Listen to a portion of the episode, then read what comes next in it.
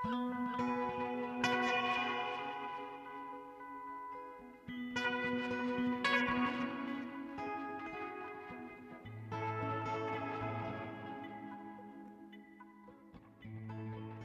sæl og blessuð. Við sjá helsar á getur hlustendur þriðju daginn 13. apríl.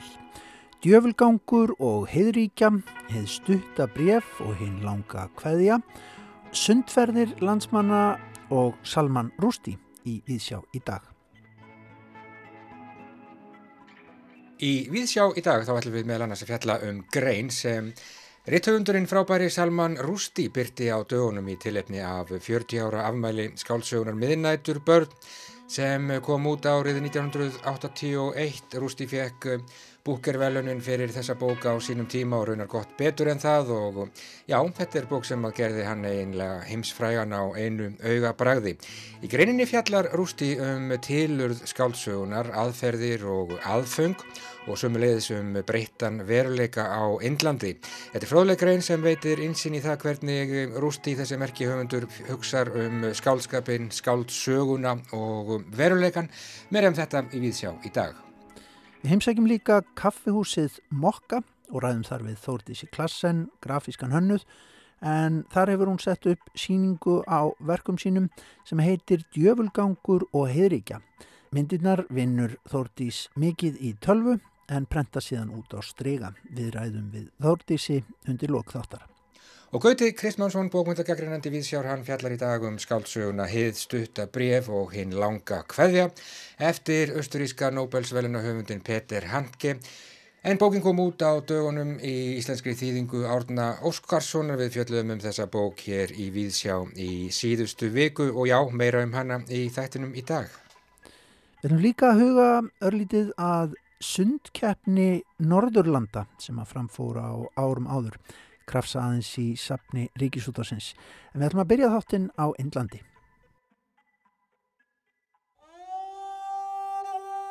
A new name for a new beginning.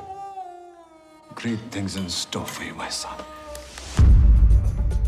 I was born in the city of Bombay, once upon a time. Mysteriously handcuffed to history, my destiny forever chained to my country's.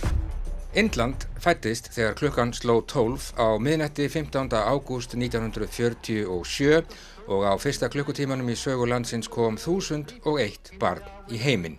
Þessi miðnætturbörn voru öll gætt sérstæðum hæfleikum, stelpa frá góa gatt markfaldað fiska, einn drengurinn gatt stækkað og minkað að vild, Bláægt barn frá Kasmír gat breytt kynferði sínu, hvassirt stúlka gat veitt líkamleg sár með orðum sínum og svo framvegis. Tveir drengir fættust nákvæmlega þegar klukkan sló Shiva sem hlaut hernaðarkunnáttu að gjöf og Salem Sinai en honum gerði stundin kleift að horfa inn í hjörtu og hugi manna. Þeim var hins vegar vikslað Shiva sem var af muslimskum aðalsættum lendir í höndum götu söngvara en Salem fátæklingurinn með gúrkunefið hafnar hjá auðmanna fjölskyldu.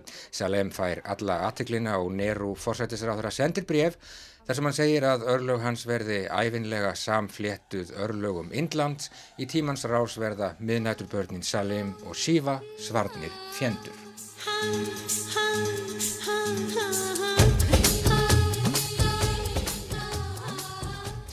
Skálsagan miðnættubörn eftir Salman Rushdie kom út fyrir slettum 40 árum og gerði höfundin heims frægan í einu vettvangi Hún hlaut hinn virtu búkervelun árið 1981 og síðar var hún valinn besta verlunabók þeirra Veluna Booker of Bookers.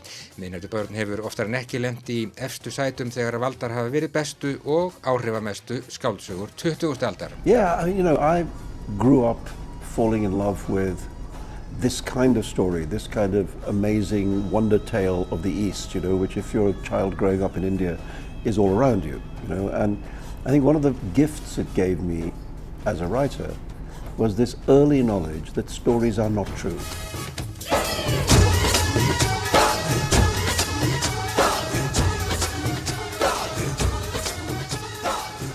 Já, slett 40 ár liðin frá því að þessi áhrifamikla skáltsaga miðnætur börn eftir Salman Rushdie kom út. Ég fættist í borginni Bombay einu sinni fyrir löngu, nei þetta gengur ekki, það verður ekki undan dagsekningunni vikist. Ég fættist á hjúgrunarheimili Narlíkars Læknis 15. ágúst 1947 og hvenar dags, tíminn skiptir líka máli, já ég þá um nóttina, nei það er mikilvægt að vera ná á slæginu á miðnætti reyndar. Klukkuhendur lögðu saman lofa í virðulegri kveði um leið og ég kom. og hvað áttu við, hvað áttu við á nákvæmlega sama andartaki og Indland fekk sjálfstæði veltist ég inn í heiminn. Það voru tekin andköf og fyrir utan gluggan, flugeldar og manngrúi og svo framvegis og svo framvegis. Salman Rústi byrti á dögunum aðteglisverða greini til efni af 40 ára afmæli skálsögunar miðnættur barna. Greini byrtist í VF útgáfu Breskablaðsins The Guardian. Í greininni rekur Rústi tilur skálsögunar um leið og hann minnist Bombay benskussinnar og fullir meðal annars að Indland skálsögunar miðnættur barna sé ekki Indland samtímans sem enkennist að hans mati um of af trúarbragða deilum það er aftur miðnætti í Indlandi segir Rústi.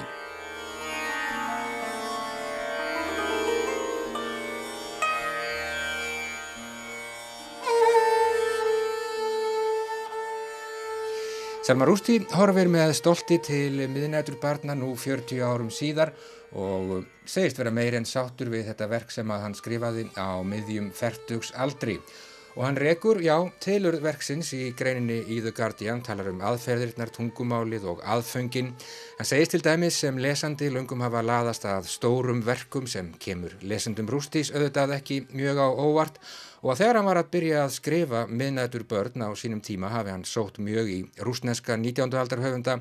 Hann lagðist til dæmis í skálsögurnar Glæb og Refsingu eftir Fjodor Dostojevski, önnu Karenínu eftir Lev Tolstói og Dauðar sálir eftir Nikolai Gogol og hann lagðist sömuleiðis í hinnar miklu ennsku skálsögur 18. og 19. aldar Tristram Sjámdi eftir Lorenz Störn, Vanity Fair eftir Thackeray og skálsögurnar Little Dorrit og Bleak House eftir Charles Dickens Og François Rabelais var auðvitað ekki langt undan með 16. aldar stórvirkið Gargantúa og Pantagruel.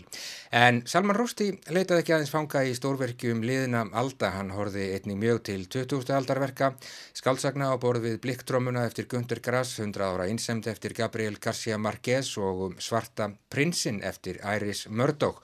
Svo nokkuð sé nefnt. Epísk verk frá Indlandi voru heldur ekki langt undan. Mahabharata, Ramayana og auðvitað þúsund og ein nót. Hann horfið til munlegar hefðar á Indlandi sagna þar sem útúrdúrar eru reglan en ekki undantekningin og það er sannlega eitthvað sem rýmar mjög vel við skáldsögur Salmans Rústís. So once you get that instinct for the fictiveness, the fictionality of fiction, it kind of sets you free. Mm -hmm. And, and all my life it's that subject has recurred to a greater or lesser extent, you know, in the various books.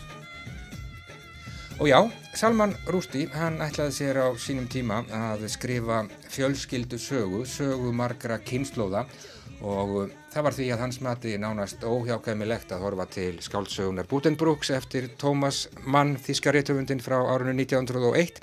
Þeir er miklu fjölskyldu sögu og sögu þryggja kynnslóða, einhvers konar skapa lón í þessari grein bókmynda. Hann ætlaði sér að skrifa sögulega skáldsögu sem átti að fjalla um samband einstaklings og samfélags og spyrja meðal annars sköpum við einstaklingarnir söguna eða skapar hún okkur? Erum við meistarar nú eða fórnarlömb vorra tíma? Söguhetjan í verki Rústís Salem Sinai trúir því bláiður að allt sem gerist, gerist hans vegna. Að sagan sé með einhverjum komískum hætti honum að kenna en Hann kemst auðvitað að raun um annað og það er sorglegt, segir Rústi, ef ekki hreinlega tragíst. I kind of got sick of the truth. I thought, you know, let's go whoom, over to the other end of the spectrum mm -hmm. and start making up crazy stuff. En hvers konar tungumál átti að nota við rétun miðnættur barna? Svo spurning var Salman Rushdie hugleikinn á sínum tíma eðlimálsins samkvæmt. Hann var að lýsa framandi veruleika og það kallaði á nýtt tungutak nýjar aðferðir. Hann áttaði sig fljótlega á því að söguna væri ekki hægt að skrifa á einhvers konar klassískri, ensku, fáadri, stílhreitni, vandaðri og í þeim efnum hafi hann meðal annars lært sitt hvað af bandaríska réttöfundunum Philip Roth sem kryttaði texta sína gjarnan með orðum úr jiddísku svo dæmi sé tekið. Rústi segist eigað síður hafa endað á því að nota færri slettur en hann ætlaði sér í upphafi. Það segist að sjálfsögðu hafa verið í samræðu við skáldsöguna A Passage to India eftir enska réttöfundin I.M. Forster Frá árinu 1924, skaldsaga sem fræg kvikmynd var gerð eftir árið 1984, þá mynd gerði enski kvikmyndarleikstjórun David Lean, en þrátt fyrir dálæti sitt á þeirri skáldsögu segist Rústi ekki hafa getað notað svo kallt, svo nákvæmt, svo kalkulera tungutak. Það hefði aldrei hendað þeim indverska veruleika sem hann ætlaði sér að lýsa og lýsir svo sannarlega í minniaturbörnum, Indland er ekki kallt, Indland er heitt hávaðasamt, illaliktandi, fjölment og yfirgengilegt skrifar Salman Rústi.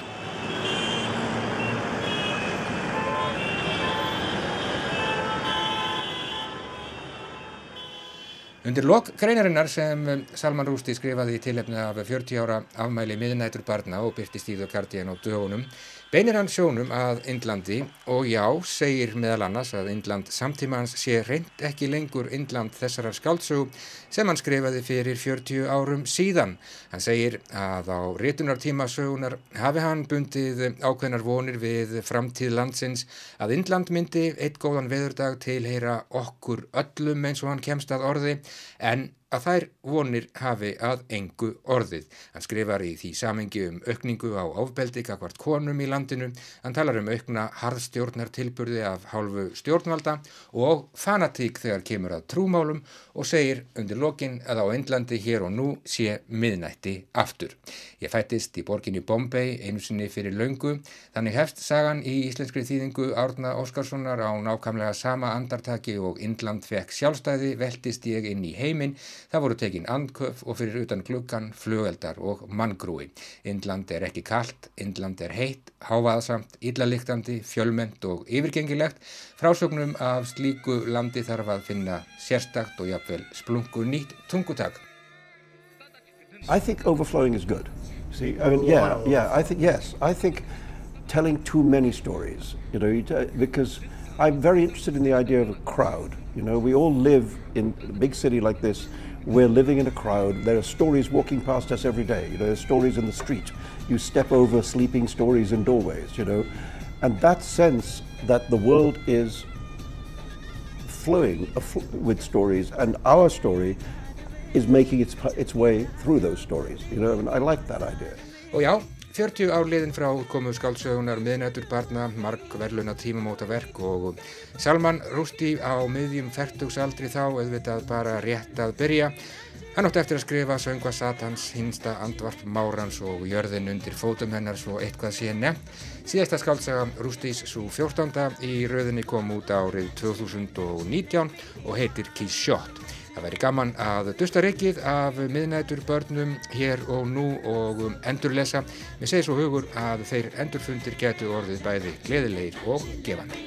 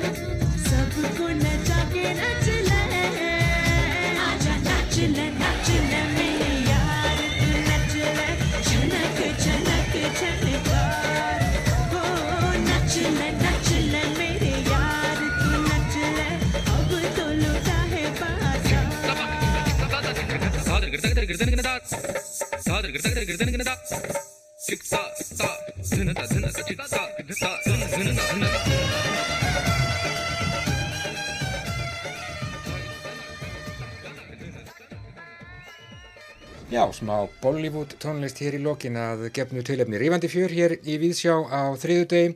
40 árliðin frá útkomu skáldsögunar miðnættur börn eftir Salman Rushdie. Frábær skáldsöga, hún var það allavega einu sinni og um, ég held að hún sé það. En Rushdie skrifar aðteglisverða grein af þessu tilefni sem The Guardian byrtir fróðlegt að sjá hvernig Hann hugsaði klímu sína við skáldsagnaformið og um, indverskan veruleika fyrir svo sem eins og einum 40 árum frábær höfundur Salman Rushdie.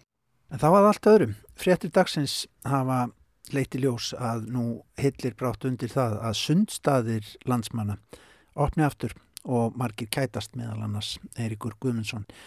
Eiríkur er kannski ekki mest í sundkappi landsmanna en honum þykir hins vegar gott að fara í heitan pott og það er honum eins og fleirum eiginlega lífsnöðsynlegt að komast í slíkan pott á til.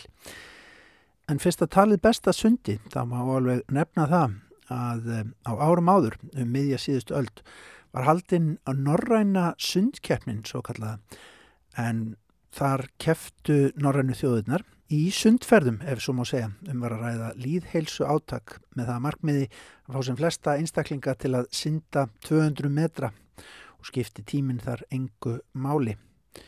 Í grein sem að Stefan Pálsson sakfræðingur er reytaði í fréttablaðið í júni 2018 og byrt var á vísi 17. júni það ár, segir meðal annars að skipulegjendum Norrannu sundkeppninar hafi verið á sínum tíma nokkur vandi á höndum þegar komað þáttöku Íslendinga. Sundiðkun var afar mismunandi milli Norðurlanda og aðgengið almenningslaugum sömu leiðis. Íslendingar voru hins vegar í algjörum sérflokki í þessum efnum, reytar Stefán, og því ljóst að líta er þið til annara þátt en höfutölu reglunar símansælu við stiga útreikningana. Því var gripið til þess rás að láta skipulagsnefndir keppninar í hverju landi áætla mögulega þáttöku Út frá því var reiknud út ákveðin deilitala. Deilitala Íslands var mjög há og því ljósta hlutfarsleg þáttakar landsmanna þyrti að vera talsvert herri en hinna þjóðana ef sigur ætti að vinnast.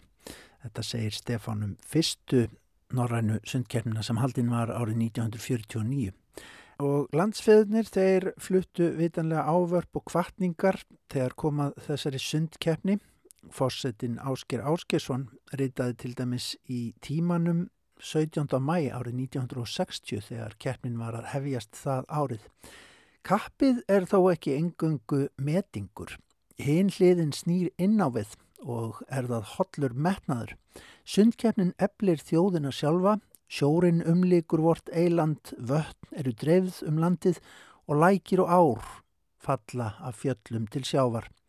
Þó ver kunnum fótum vorum forráð á föstu landi, þá er engin sjálfbjarga nema hann kunni tök handa á fóta þar sem hann botnar ekki í vatni. Þó farartæki séu góð, bátar og bílar, þá er samt stjórn handa og fóta á láð og leiði lífsskiliði. Gangurinn lærist á einu ári en sundið á tveim vikum. En um norrannu sundkernina var fjallað í ríkisútvarpinu. 8. september 1960 Umsjónumöður þessarar dagskrár var Pál Bergþórsson sem landsmenn hafa síðan þekkt auðvita sem eins konar yfir veðufræðing þjóðarinnar. Hann var þá að velta fyrir sér hvernig það hefði gengið hjá Íslandingum í Norrænu sundkeppninni þetta árið, sömarið 1960. Keppninni var þá að ljúka. Við skulum grípa aðeins niður í þessa dagskrá Páls Bergþórssonar, það sem hann velti þessu fyrir sér. Hvort við værum að standa okkur í Norrænu sundkeppninni? Norræna sundkeppnin er senn á enda. Henni líkur 15. september og eftir það verður engu breytt um það hvaða þjóð hlítur fórsetabíkarinn fyrir þáttöku í 200 metra sundinu. En enþá er mikið hægt að gera. Á þeirri viku sem eftir er geta þúsundir manna synd og tryggt Íslandi sigurinn.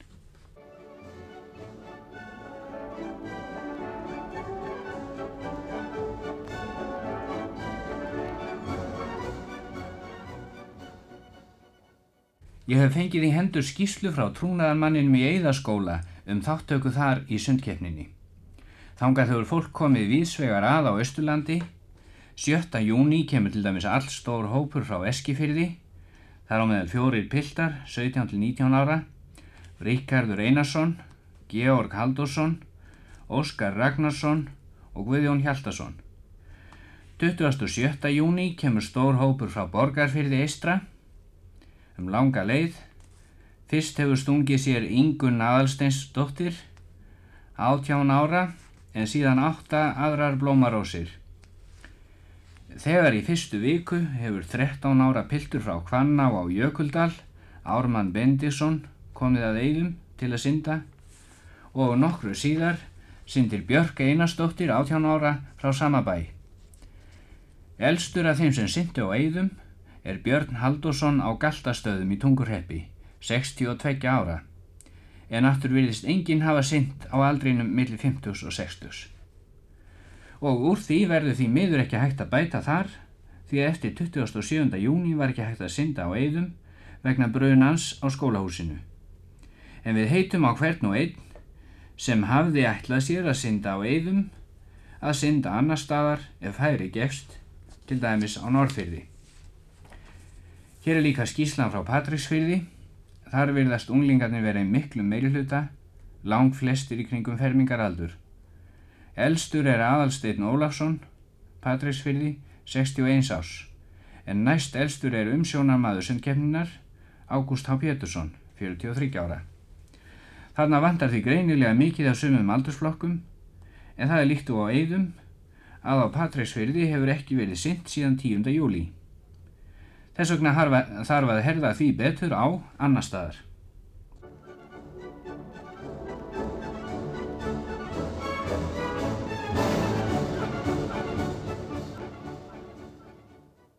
Nú erum við stattir á skrifstofu Þorsteins Einarssonar, íþróttafulltrúa og hlerum símtal hans við Guðjón Ingemyndarsson á Söðarkróki. Já, já. Kondur sætt Guðjón? Já, sætt og blessaður Þorstein. Það er Þorstein Einarsson talar, þú er búin að heyra það? Já. Mér langaði til þess að frétta hvernig gengur hjá ykkur með norrænu sundkeppnina á Söðarkróki. Nú, það má nú segja að það gangi sæmilega vel. Já, hvað hafa margir synd hjá okkur? Sá mér í sundlauginu er búin að synda núna 450 manns. Nú, það er... En hérna í síðustu keppni þá syndu hér held ég 366. Já, þetta er nú líka einhverjir úr síslunni. Já, þetta er bæði úr síslunni og utan hérað. Já, hvað eru margir búin að synda úr kaustanum?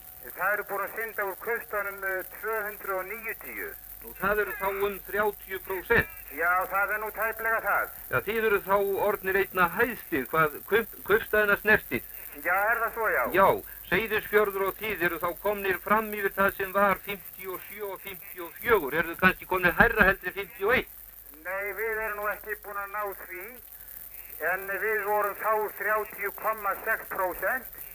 Já. Og syndu þá samtals hér held ég 311. Já, alls. Og það er náttúrulega, við reynum að ná þeirri tölu ætið. Já, það var ágætt að heyra. Í Skagafyrði og Sauðokróki syndu þá alls um 800 manns. Já. Og þetta eru nú góðar tölur. Já, já. Það er nú í hinnum kaupstóðunum að uh, þar í sex kaupstóðunum þar er þáttakan orðin betri heldur en 57. Já, það er einmitt það, það er ágætt. Það er Akureyr og Vestmannegar og Neskaupstaður sem eru uh, lakari heldur en 57. Já. En uh, hefur ekki orðið varfið það að þeir sem eru 16 ára til 30 ára að þá vantar aðalega? Jú, það vantar nú aðalega það fólk. Svona á besta aldri. Já, það er svo... Það vil nú ganga svo að því finnst ég get, það geta tekið þetta á síðustu stundu. En e, svo er það bara hvaða dugar þegar það til kemur. Segðu mér, hvað veistu um þarna þá úr Skagafjara síslu, úr þessum fimm sundstöðum sem er út í síslunni? Já, ég veit það nú það helsta. Ég hef nú ekki frétt alveg nýlega, en e, í varmarlíð e, þá eru búin að synda núna 215 að ég held, Já. en þar syndu síðast 199. Þetta er nú ágætt tala. Nú, e, og í barðslaug mun vera komið eitthvað um 100 manns, en þar syndu síðast 74. Já. Og ég vona að það sé nú svipa hlutfall á hinnustofunum, eftir því sem að ég hef nú fengið að frétta svona öðru hverju. Já, þá þið nú áræðanlega í síslunni 500 þáttaköndum og það er eins og það var best 51. Já, það vona ég að verði. Já.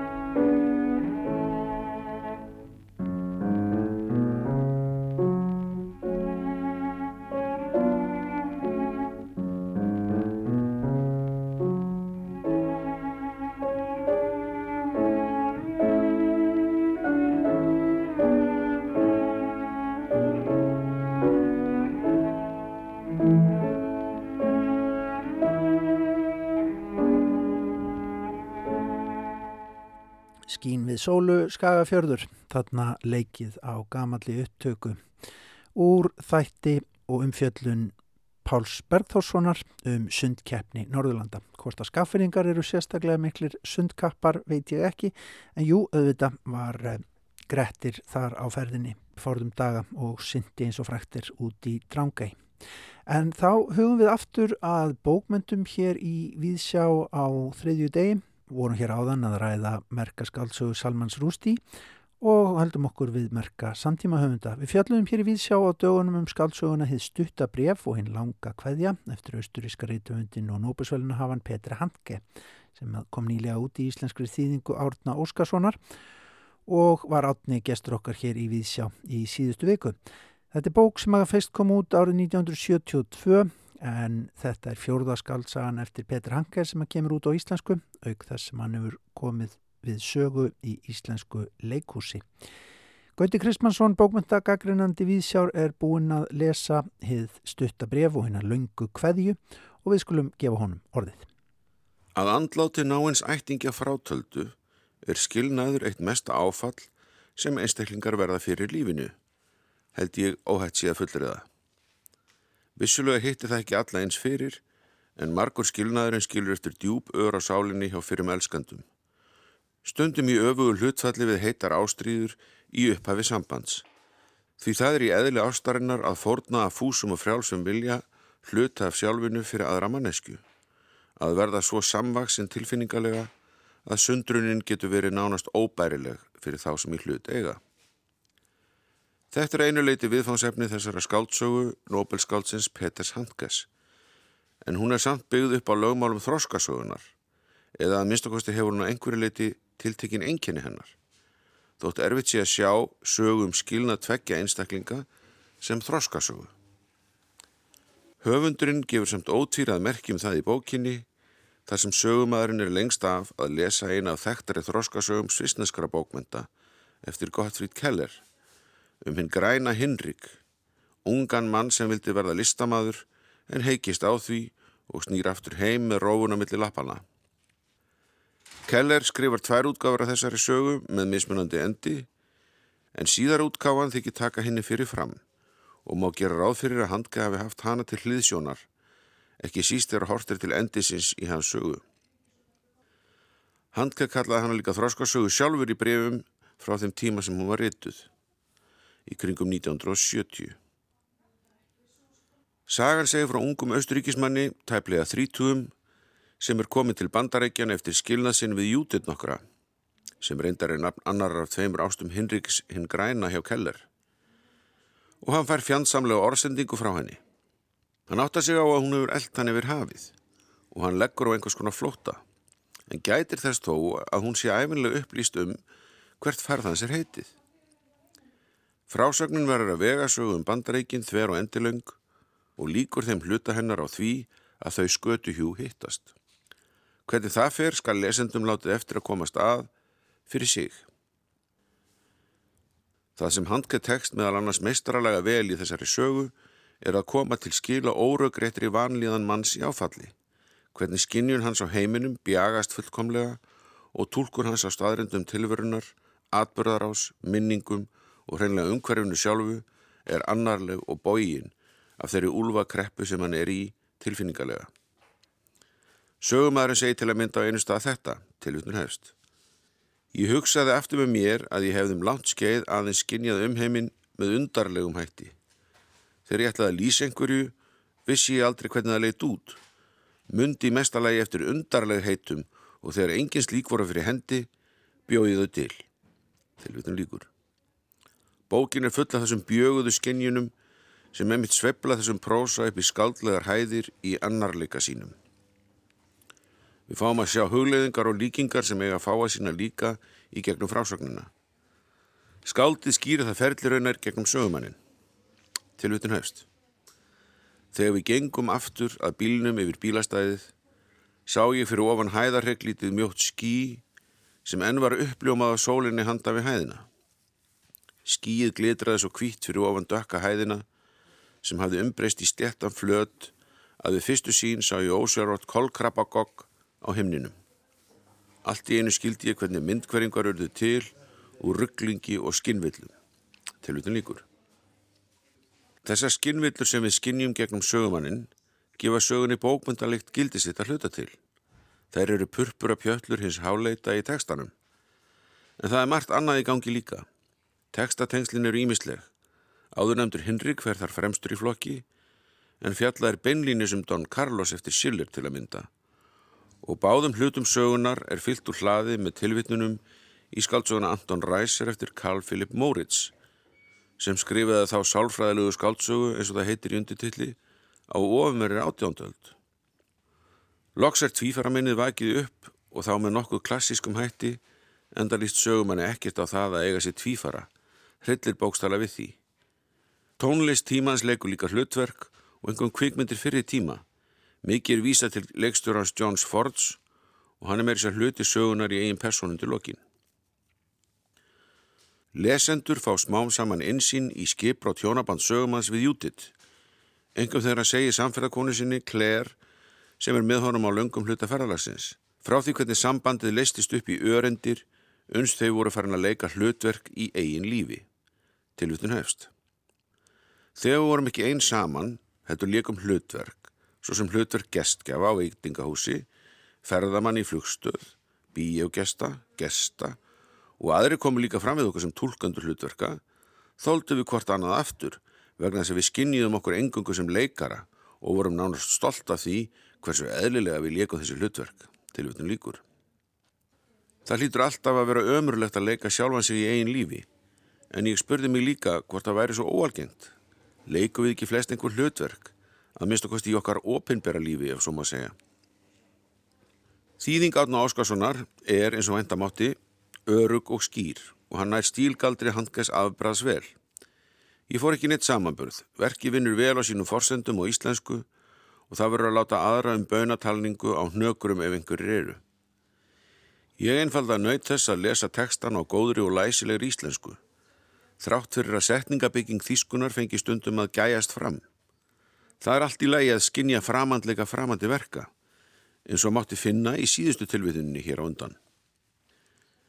En það er gleði efni að við skulum vera að fá hér hvert verkið af öðru eftir Nobelskáldið þótt umdelt sé en hvað sem pólitískum skoðunum handkess líður þá erum við að fá hér í hendur mikilvægt bókmyndaverk á íslensku sem sínir svart á kvítu að þeim einning umdeltu Nobelsvelun voru verðskulduð í þessu tilfelli. Það er raun og frábært að sjá hvað lítil forlög og ugla afregga á því sviði að færa okkur nútíma bókmentir í íslenskum þýðingum og ber að þakka þeim öllum það. En með þessari þroskasögu skilnaðarins höfum við fengið mikið listaverk í hendur á okkar máli og ég er vissum að margir geti notið af ánægi og sumir raunar af skelvingu því nærri hekkur sagan til allra sem í skilnaði hafa staðið. En úrvinnsla handkess getur líka reynst þeim haldreipi í þeirra áfalli og opnaði augu þeirra fyrir því að skilnaður er ferli sem fara þarf í gegnum til að ná aftur áttum ef und er. Segði Gauti Kristmansson um skáldsöguna Hiðstuttabrjöf og hinn langa kveðja eftir austuríska réttumundin Petur Handke sem er nýlega komin út hjá bókaforlæginu Uglu í íslenskri þýðingu Árna Óskarssonar. Mikið listaverk sagði Gauti Kristmansson og það er bara alveg hár rétt.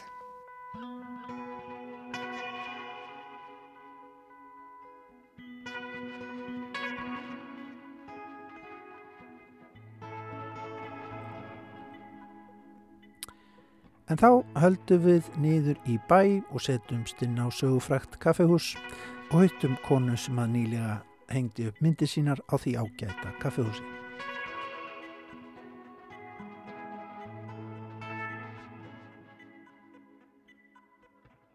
Við erum sest hérna að mótni til inn á kaffehúsi Mokka þar sem við höfum reyndar vanið aldrei komur okkar undanfarið í vísjá. Það er hérna ágætt að hitta fólk hérna í róleitum og taka spjall við viðmælendur. En við erum hérna núna át af myndlistasýningu sem var sett upp hér á dögunum og heitir Djöflagangur og heiðríkja. Og já, forvitnilegt nafn og hérna er höfundur verkana á síningunni hjá mér sest við borð Þórdís Klassen, grafískur hönnöður Þorðís, myndlistasýning, bara mokka, svona hérna þessum sögufræga myndlistar tengda kaffistað í miðborg Reykjavíkur. Á hvaða vegferð ertu? Um, mér fannst svo gott að fá að sína einn aftur vegna þess að ég var með síningu hér fyrir tíu árum, sléttum, nánast. og þá var stílinn í mínu verkum allt, allt annar. Um, og það er svolítið eins og að koma heim að labba hér inn vegna að ég er náttúrulega verið svo skotin í þessum stað frá því ég drakk minn fyrsta bolla hérna líklega og fekk koffinsjokk og skreiðin í emmer tilbaka held ég. Um, en, en sko það, það er mikil, svona, mikil heiður að fá að koma enga aftur þó að við vorum sammálum við Gunni sem settum upp síninguna saman hérna og hann sem er staðhaldari að það ættu ekki að líða tíu ár. En þessi síning er um, litrík og hressandi vilja gestur og gangandi meina mm. og ég var nú eftir að útskýra aðeins myndirnar fyrir þér en hérna e, það er ákveðin hamagangur hérna á þessum myndflötum því að sko það er svo gott að finna maður endur takir sér ekki og, og sé fastur í sama fíling og, og stíl og svo framvegist þannig að það er svo gott að þenni út bóksi sitt og gera ólíkar myndir og það var gott að fá staðfesting á því frá Gunnaði mitt byrju þetta er allt annar fílingur heldur hérna fyrir tíu árum mm. og það er bara svo holdt að finna þetta að maður sé ekki sama manneskjan sem er eðlilega bara eðlilega vöxtur og maður skýtur út nýju bröðu meðandalust mm -hmm. Þú sendir okkur hérna erindadögunum um síninguna og, og tókst sérstaklega fram á og er ekkert feimin við að að nota poplista hugtækið erstu, erstu poppari? Sko, ég held að til dæmis eins og þessari síningu hér þá eru þetta ljósmyndir sem ég tekið í bland við teikningar sem ég geri sem eru kallar vektortekningar eh, sem eru gerðar þá með, með teknipenna og bretti í tölunni eða þá handgerðar tekningar sem ég skanna svo inn hvað sem það er blek eða axlitir eða vasslitir eða hitt og þetta. Þannig að poppið kannski grípi þessa skýringu að því að myndefnin eru bæðið svolítið poppuð. Frá mm. svona einhverju neistlulist kannski eh, hérna sjáum við spokk á vegnum þessi myndi þetta er spokk í Reykjavík Það var að minna Dr. Spock úr, úr Star Trek þáttunum. More that direction, engineer. Sá hins sami. uh, og vissulega stóðan ekki á sviði á göknum uh, hérna, en þetta er til dæmis mynd sem ég teka á, á Airwaves árið 2005 af einhverjum agalegum rockara og svo fæ ég bara líka mann lánaðan sko. Að, að, og sama hér, það sem hann er með viðfréttinnar. Ég er svo kynsluð sem mann eftir príkonum og kassanum sem að rótiraði sko á petal. Gamli góði kassi. Og mér finnst þetta bara eitthvað svona hugulegt og þetta er svona nostalgíu skotið og alltaf, ég vil alltaf hafa pínu húmor í myndunum mínum. Já. Þannig að poppið er líklega kannski ágættis hattur yfir bara þessa síningu því að hún er litrík og hún er svolítið kannski e, íkt og, og fólk svona hlæraðins og kortlegsmyndin sem við munum skoða, hún er náttúrulega alveg koronan hérna í poppinu sko þetta er kortflex Já, við þurfum eiginlega kannski að kíkja ná Já, fá, fá, það er svona fáum að standa hérna aðeins nær. Er engin hérna. Um, sko, ætli þetta sé ekki svona tilkallin í sko, svona 80's krakkamenningu sem ég var auðvitað hlut af.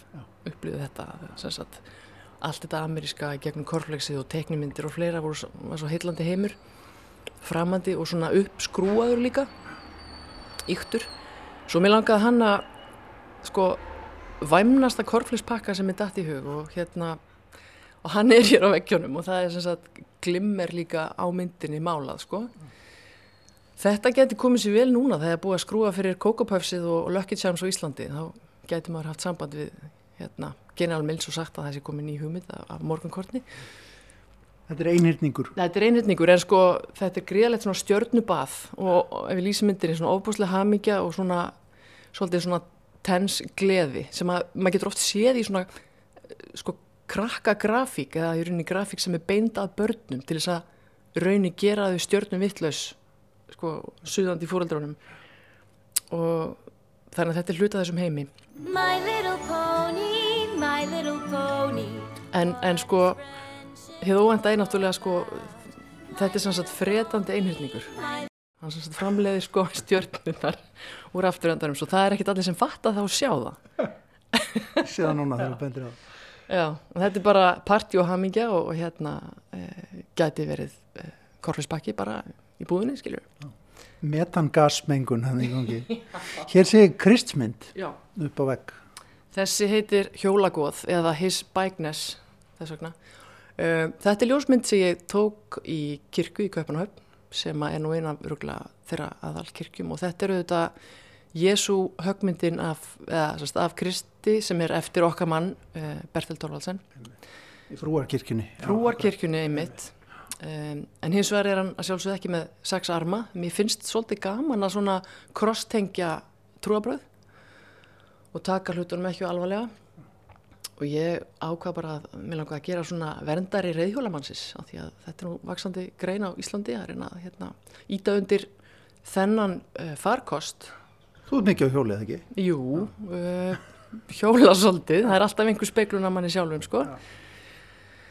Þannig að já, ég, ég fyllist svona ró og svona öryggi og, og, og man eftir hjálmunum því ég sé þennan þessa fíkur á myndinni Reið hjóla krist. Það setjast inn aftur að kaffibólan mín já. en sko hvernig er það Þortís hvernig lítur þú á mörg hérna nú ertu grafiskur hönnuður og, og starfandi sinns lík hvernig lítur á mörg atvinnu og, og listsköpunar? Fyrir mína pasta er ósköp uh, nöðsynlegt að fá að rasa út -hmm. og gera mína hluti. Og ég reyna að setja mér að markmiði að, að halda síningar uh, sko allavega á einhver ára fresti þó að það hafi liðið óþægilega langt núna.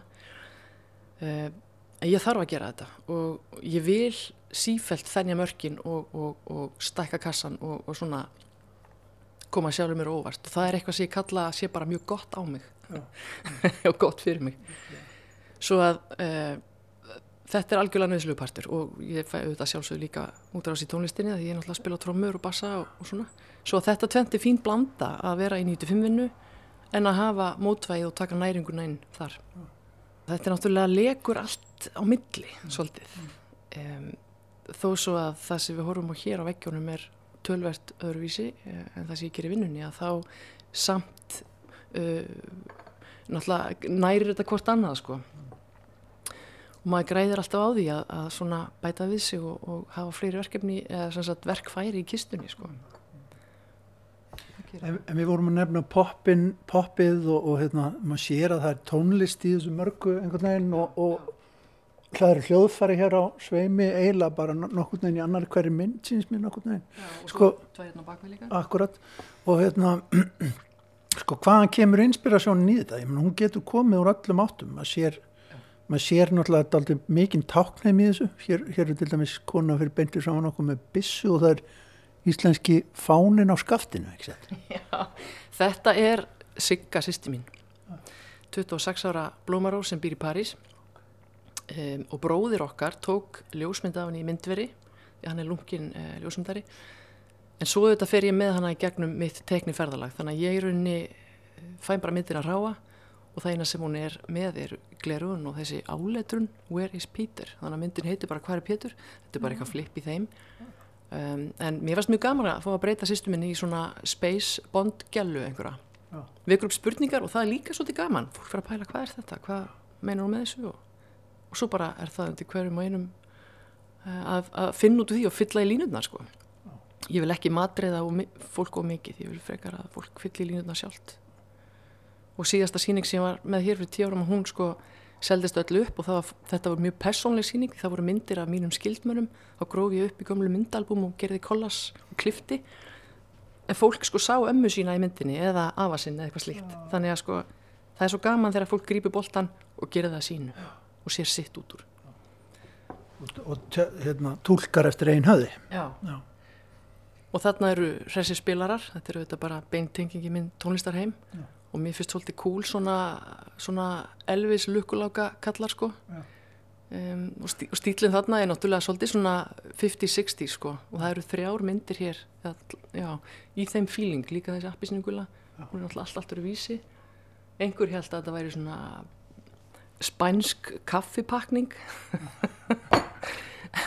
en svo mynd er innblásin af teiknara sem að hétt Hörður Haraldsson og uh, var alveg merkilega flottu teiknari en fór mjög lágt miðað við hvað hann var ofboslega flinkur. Um, og ég var tengd inn í hans fjölskyldu í, í tíu ár þannig að ég sá hans myndir upp á vegg og ég var svona innblásin af hans verkum svo þetta er svona pínu blikk til hans. Hann, ekki, hann er ekki lengur með okkur. Nei. en uh, það kveikti eitthvað að úrvarð þetta svo þess vegna heiti myndin Trí og Harðar Sko við erum náttúrulega mjög oft í þessum skegnilýsingarleik í Víðsjá að fara á síngar á þess að fólk sjá einn eitt og reyna að tala um myndlistina, ég finnst það mjög skemmtilegt en, og ekkit allir sem að hérna, skilja þetta sem útasefni en, en það er oft þannig að það er ágætt að tala um hugmyndir í hugmyndir í útarpið og þetta er auðvitað í grunninn hugmyndir hugmyndaheimur sem maður er að miðla. En maður heyri það á þér að og það er líka allur gangur á því hvernig þegar maður kemur inn á svona myndlistsýningar hvað myndlistamenn taka sig alvarlega. Mm. en heyrið á þér, þú ert svona hérna ekkert já, ekkert, ekkert stressuð yfir svona, yfir því að, að, að taka þau ofalvarlega eða svona sínast ofalvarleg Nei, látt frá því. Ég vil frekar bara sko að sé pínu stuð á strygunum hjá mér. Og auðvitað kemur hluti af sjálfur mér alltaf á strygana um, en um, ég gæti aldrei sko tekið mig alvarlega, mér finnst það ekki sjálfmyrandi hlutskipti. Það er ekki sjálfmyrandi hlutskipti já, pent sagt. En, en þú velur það samt sko stregan sem er náttúrulega líka þó þetta sé vissilega tölvu unnið og, og prentað en þá er það sett á strega af hverju, af hverju ferði það sko, þá átt? Emmitt, góð punktur, mér langar að minnast á þetta að sko Strín er auðvitað svona þrývitt form sem bara poppar út úr vegnum og það er kannski svolítið síkild en auðvitað hefði getað færið aðra leiðir. En sko þegar grafískur hönnuður heldur myndverkarsýningu að þá eru stu, sumi stundur sem hugsa bara já, býtu þetta ekki eftir tölvu. Hérna, svolítið eins og að tölvan gerir þetta fyrir mann mm -hmm. þó ég vona að það svona sjóna með sig á hverjanda kveli en, en sko handtökin eru alveg jafn mörg maður er kannski að tekna jafn mikið með tölvupannanum og skanna inn tekningar og setja saman þannig að þó útkoman sé prentu á stregan um, að þá samt uh, finnst mér það heitlandi form. Ég hef sett alla mína myndir á strega og það er svona fílingur að strekja hann og, og þú veist einhvern veginn hengju upp og eitthvað. Kannski prófa maður ál næst eða, eða treplötur en mér finnst þetta fallegt sko. Fallet form Sko það komið skeitarinn fram hjá um, sko færðu inspirasjón úr daglega lífinu? Ertu, ertu upptekinn af, af því sem að ber fyrir augum bara hérna á göttun Reykjavíkur? Að veit að því graf, grafísku hönnuðnir eru sko óbúslega sugur á myndefni. Menna, það er einhvern veginn bara skannið mjög mikið og, og fylgist mjög me vel með svona kringum Við gerum það og svo erum við að sjálfsögðu eins ólíku verið mörg. Já. ég meina ég er bara einn tegund, einn gerð með svona svona samkrulli af tónlistar þörf og, og, og hérna þörf fyrir svona smá læti og þá getur komið inn á titilsýningarinnar djöfulgangur og heiríkja ég meina Mér fannst þetta bara svolítið smart samsetning af andstæðum. Því að ég skil orðið djöfulgangur sem sko svolítið ákvæmt, það er svona brambolt og gauragangur og stöð og læti og, og svo heiríkjan getur verið eitthvað svona hugulegra eins og til dæmis maður sér í Jésu myndinni hérna. Ég grýpir henni allt það sem er í kringum sem ég finnst bara skemmtilegt að eiga við og taka minn snúning á einhvern veginn. Um, og svo hér á bakvið er, er glímubröð, það er íslenska glíman og, og maltið kemur fyrir og bálpakkin hitt og þetta og það er svona, þá fattar maður poppar tenginguna. Já. Ég er svona kannski aðeins hengt mér í hana en, en er alveg til að losa um þau bönda því að ég veit ekkert hvert ég fyrir á morgun sko. það er, og það er ágætt bara? Það er, það er, sko, það er óskastafa. Já. Það veit ekki hvert maður heldur næst á næstu síningu þannig að um, ég mun láta það vita sko kemur ljós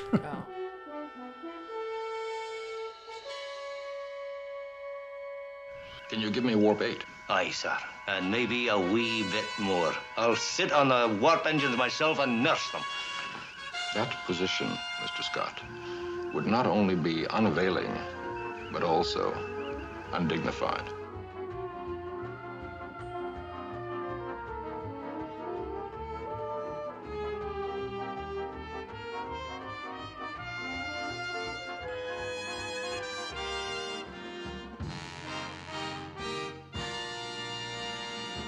Nokkrir tónar úr gömlu Star Trek þáttunum, Leonard Nimoy þarna á ferð í hlutverki Dr. Spock. Dr. Spock kemur fyrir í tveimur myndum á síningunni Djöfulgangur og Heðríkja þar sem að Þordís Klassen sínir verksín á kaffi Mokka við settumst í kaffesopa með henni í morgun.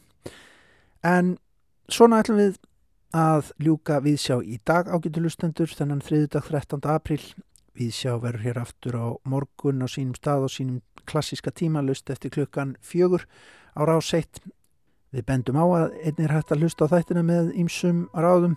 Það er hægt að fá okkur sem hlaðvarp beint í tölfur og síma í gegnum hlaðvarpsforrit, hlusta í gegnum Spotify, leita þar bara að viðsjá einfallega og svo er þetta að nota spilara RÚF og RÚF appið góða sem er þetta að nota í snjalltækjum og símum. En takk fyrir samfélgina í dag á getur hlustendur, verið sæl.